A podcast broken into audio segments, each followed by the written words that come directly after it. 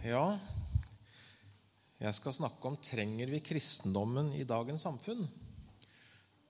Og Det er et stort tema, så jeg håper at ikke ja, Det er vanskelig å begrense seg, men jeg håper det skal bli greit. Skal vi ta og be litt før jeg begynner?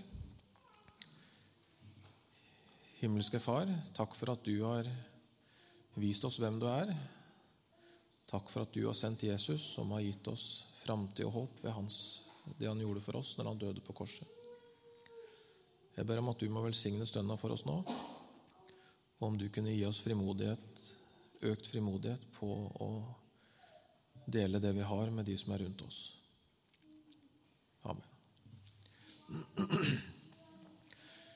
Når vi ser på samfunnet rundt oss, eller når jeg ser på samfunnet rundt, oss, rundt meg, så opplever jeg at det er veldig lite interessert i kristendom. De fleste ønsker å ha den kristne kulturarven. At vi tar oss av de svake. At alle mennesker har egenverdi og lik verdi. God arbeidsmoral og mye som henger igjen på en måte etter den kristne kulturen. Men sjølve kristendommen er det ikke så mange som ønsker å ha noe direkte med å gjøre. Og vi ser også at eh, Kunnskapen blant oss øker veldig. Det er jo utrolig mye som blir forska på og funnet ut og ja. Så en del ting som før kanskje ble sett på som litt overnaturlig, det har vi da en helt enkel og naturlig forklaring på. Og vi skjønner så mye mer om alt fra DNA til mikroorganismer, virus, bakterier, åssen huet virker, åssen hjernen virker litt mer. Ja, jordas indre og størrelsen på verdensrommet og antall stjerner og alt. Det er så ufattelig mye mer vi kan veldig mye om. Så ofte så er det kanskje ikke så mange plasser det er plass til Gud lenger med hans overnaturlighet, eller at han gjør under. Og vi klarer oss sjøl. Vi har mat, vi har gode sosiale ordninger og sikkerhets nett. Vi har gode sykehus som får til veldig mye god helse. Så i hverdagen så er det jo ikke så mange som er avhengig av Gud fordi vi klarer oss veldig bra.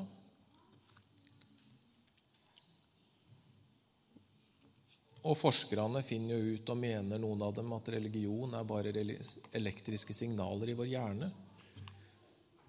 Og at religion er bare noe vi mennesker finner på for å gi en trygg ramme rundt livet vårt. For å gi oss trøst og få orden. Og midt i dette her så blir jo ofte vitenskapen sett på som motsetning til kristendom. Så mange føler at de må velge mellom kristendom eller vitenskap. Og det er jo egentlig litt rart, for det var jo kristne som etablerte universiteter for å studere Guds skaperverk. Og vi burde jo egentlig ikke frykte for det de finner, for de finner jo ikke noe mer enn det Gud har skapt.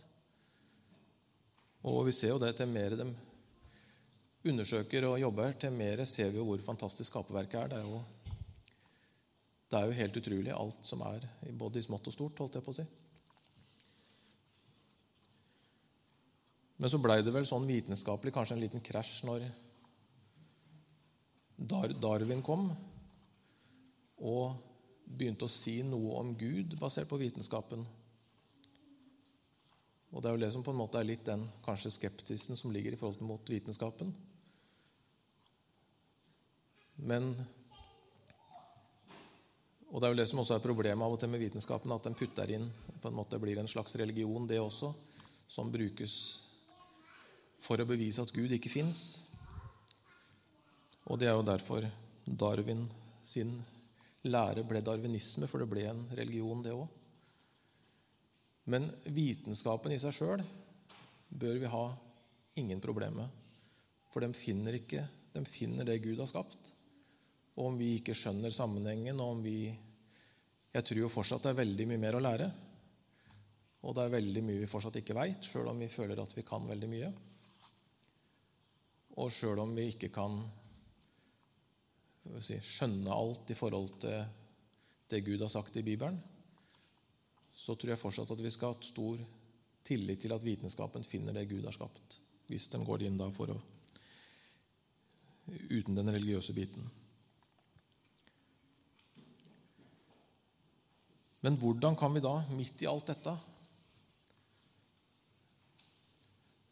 tro at kristendommen fortsatt er relevant? Det som gjør kristendommen spesiell, det er at det er ikke en idé. Det er ikke um, historier om gudevesener. Um, eller et menneske som opp, har fått en åpenbaring. Det er jo disse tre på en måte grunnlagene som ligger for de, alle store verdensreligionene. Men kristendommen skiller seg ut på ett område, at det er en historie som har skjedd i virkeligheten, hvor Gud har vist at han fins, og hva han gjør. Det er ikke en idé som har kommet en eller annen gang, som bare har utvikla seg til en tradisjon. Det er ikke en fortelling om masse guder og gudeverdener og gudevesener. Og det er heller ikke ett menneske som har fått en åpenbaring om hvordan kristendommen er, og hvordan Gud er. Men Gud har vist det gjennom historien hvem han er, og hva han gjør, og hva han ønsker å gjøre.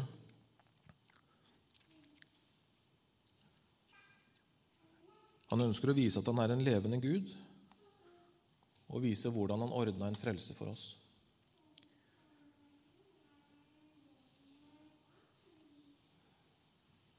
Og Det er den store forskjellen, det er det som gjør at kristendommen fortsatt er relevant. Fordi at den viser at det fins en levende Gud.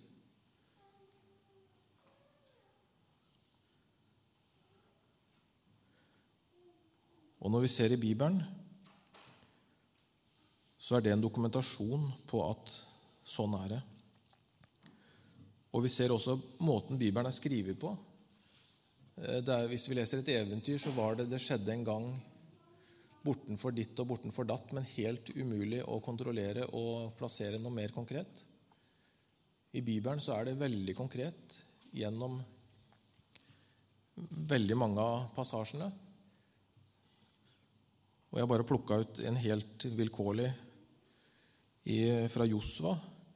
Så sendte Adoni, Adoni Sedek, kongen i Jerusalem, bud til Hoham, kongen i Hebron, til Piriam, kongen i Jarmut, og til Jafia, kongen i Lakish, og til Debir, kongen i Eglon. Det er så konkret at det er jo ikke noe Vi veit hvor det er, og hvis vi ser i settingen her, så står det også når det er. At det er på en måte en, det er skrevet for at man skal kunne kontrollere det, og for å plassere det i tid og historie. For å vise at det er noe ekte som har skjedd. Det er ikke bare noe som man har funnet på for å få fram et budskap. Og Vi ser jo det samme også i det vi skal begynne å lese snart i juleevangeliet om Jesus. Og Jesus er jo faktisk historikerne enige om at eksisterte, sjøl om de er kristne eller ikke. Og det skjedde i de dager at det gikk ut et bud fra keiser Augustus at all verden skulle innskrives i manntall. Dette var den første innskrivningen i den tid Kvirinius var landshøvding i Syria, og alle gikk for å la seg innskrive hver til sin by. Også Josef dro opp fra Galilea, fra byen Nasaret, til Judea, til Davids by, som het Betlehem, fordi han var av Davids ett og hus. Det, det forteller på en måte er etterprøvbart. Det er en historisk, like mye en historisk fortelling som det er en, si, en fabel. Da. Og det gjelder veldig mye av Bibelen. Den er skrevet Det er virkelige hendelser som viser hva Gud har gjort, og som gjør at vi, de som da hørte det første gang, de kunne sjekke og undersøke og på en måte sjekke at det stemte med virkeligheten. Og vi veit jo hvor viktig Ja, du kommer litt mer inn på dette, men i forhold til tidsvitner fra andre verdenskrig så veit vi hvor viktig det er med folk som har opplevd det sjøl, som kan sjekke og bevise. Og det skal vi høre at Paulus han han eh, bruker i forhold til å presentere et, eh, når han snakker om oppstandelsen. Men jeg vil bare ha en liten digresjon før jeg går videre på den her. Det er det at eh, spesielt eh, Det er litt spesielt i første Mosebok, første halvdel av første Mosebok. Det er hendelser som har skjedd veldig lang tid tilbake. Og jeg tror nok at vi gjør klokt i å tenke at det er fortellinger som forteller om hva Gud har gjort, mer enn at det er et naturvitenskapelig oppslagsverk i hvordan rent teknisk Gud har gjort det. Eh, og jeg tror at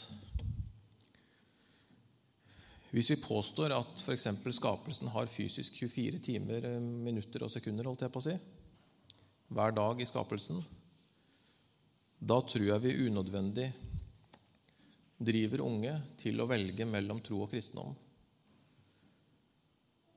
Og måtte forkaste troen fordi at fornuftens integritet ikke klarer å godta at det er seks dager, når vitenskapen er veldig tydelig på at det ser ut som at det er mer. Og det rare er jo eller, Og det er jo ikke noe det var kristne vitenskapsfolk som begynte å finne ut dette, at det virka som jorda var lenger, mer enn 6000 år gammel. Flere hundre år før Darwin og hele greiene. Men det ligger i den at vi På samme måte som at når på en måte Darwin gjør vitenskap til religion, så kan heller ikke vi gjøre religion til vitenskap. For vi har på en måte den religiøse Målet med Bibelen er å vise at Gud fins, og hva han har gjort, ikke en vitenskapelig oppslagsverk.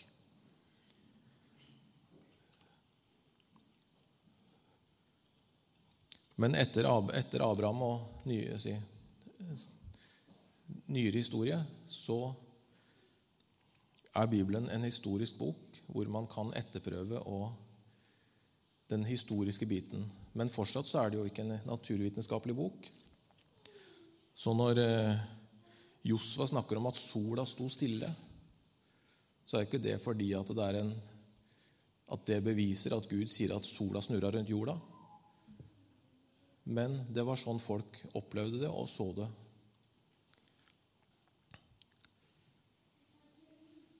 Men så tilbake til,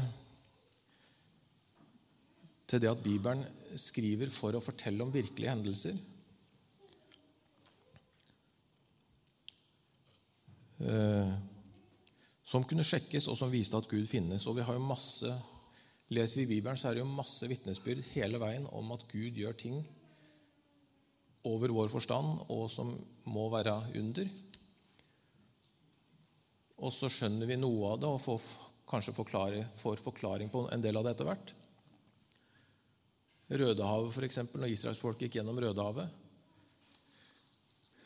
Der er jo mange varianter fra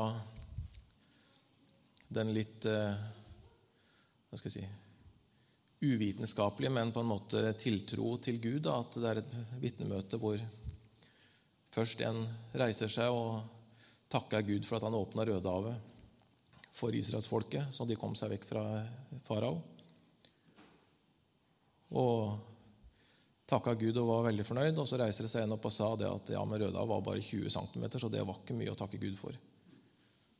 Og så reiser hun seg opp igjen etterpå. Takk Gud for at far av oss her drukna i 20 cm vann. Så det er jo, liksom, det er jo den tiltroen til at ja, Gud gjør under, samme hvilken versjon du har av det. Eh, jeg har hørt en mer vitenskapelig forklaring på Rødehavet. Det er at det var en sterk vind, og det står i Bibelen at det var en østavind som blåste bort vannet. Og de mener at det kanskje kan ha opphav i en vulkan som eksploderte i Middelhavet. For det var visst omtrent på den tida. Og det skapte visst etter oss et rødskjær og mye. Men for å ta den samme varianten Det var jo et guddommelig timing da, at den vinden kom akkurat når israelsfolket skulle over, og stoppa akkurat når faraos hær skulle over.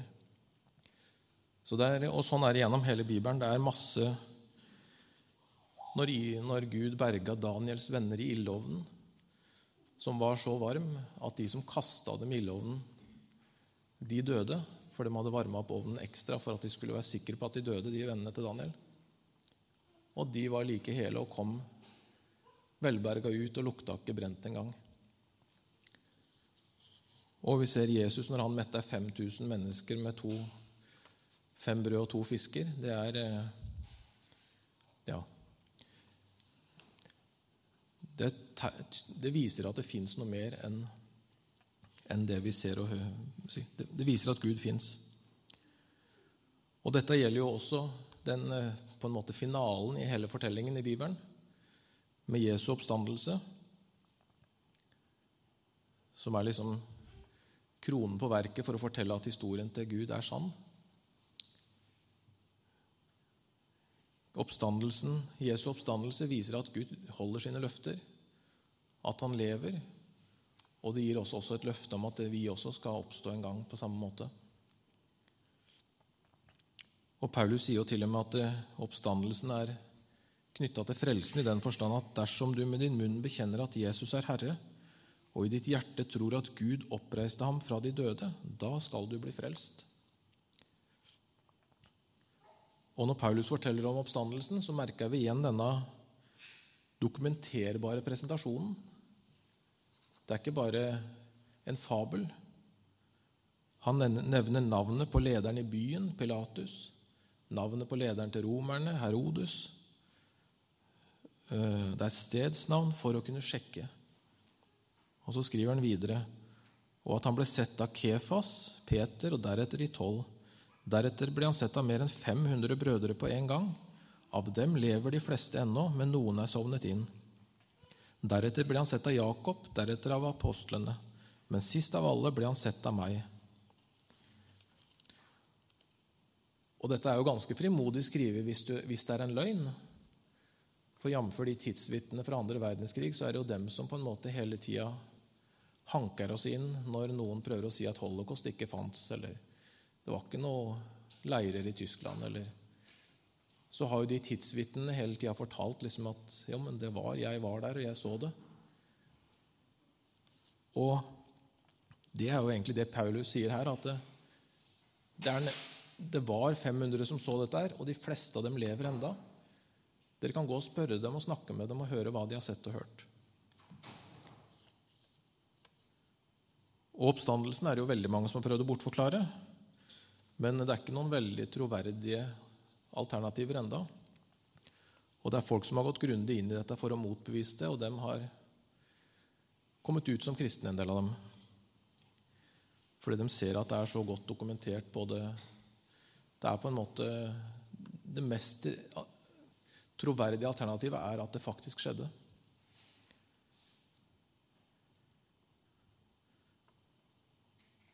Og skapelsen, på lik linje med alt det andre som står i Bibelen, det er skrevet for å vise oss at Gud er en levende skaper. Han er allmektig, han er hellig, han er glad i oss, og han har gitt oss en frelser. Og vi veit at mye av fokuset i mange religioner er jo lidelsen. Den har Gud gitt en løsning på.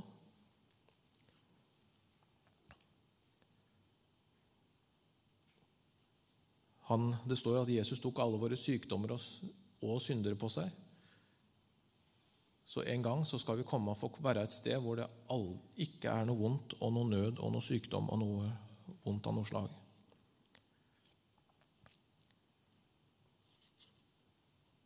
Og han har også gitt oss løsningen på at vi har fått kontakt med Gud igjen.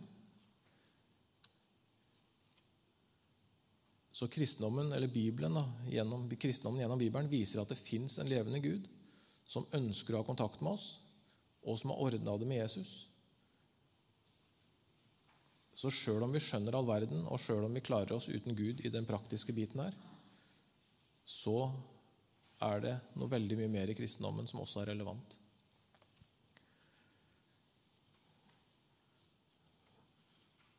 Og så vil jeg bare til slutt si at eh, Gud han kan sammenlignes med vinden. Eh, jeg tror ikke det er mange her som har sett vinden, men det er vel ikke noe uenig men jeg tror ikke det er heller noen som påstår at den ikke fins. Eh, så neste gang vinden blåser deg i fjeset, så kan du tenke på at sånn er Gud. Han er rundt oss uten at vi ser den.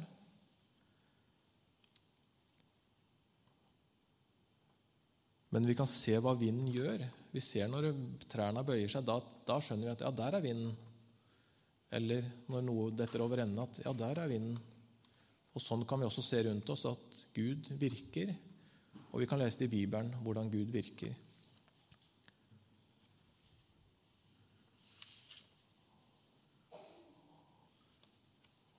Og sjøl om vi ikke ser den, så sier Paulus i Romerne 1.: For det en kan vite om Gud, ligger åpent for oss, for Gud har åpenbart det.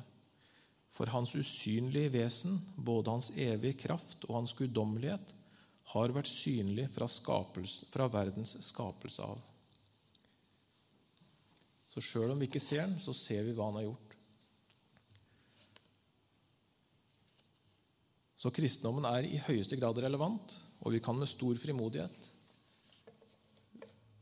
fortelle folk om det som vi ikke ser, men merker, og det som vi kan se i Bibelen, er tegn etter det, eller merkene etter det. Skal vi be igjen.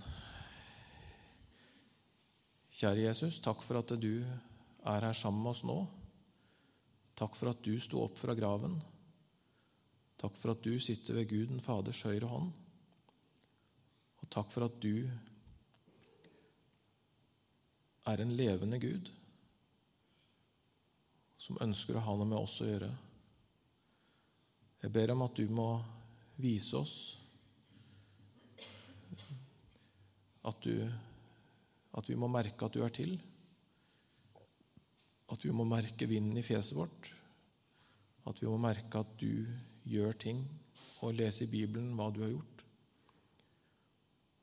Og at vi kan ta imot deg i hjertet vårt som du ønsker å bo i. At vi kan få gå sammen med deg på veien resten av livet, til herligheten du har lova oss.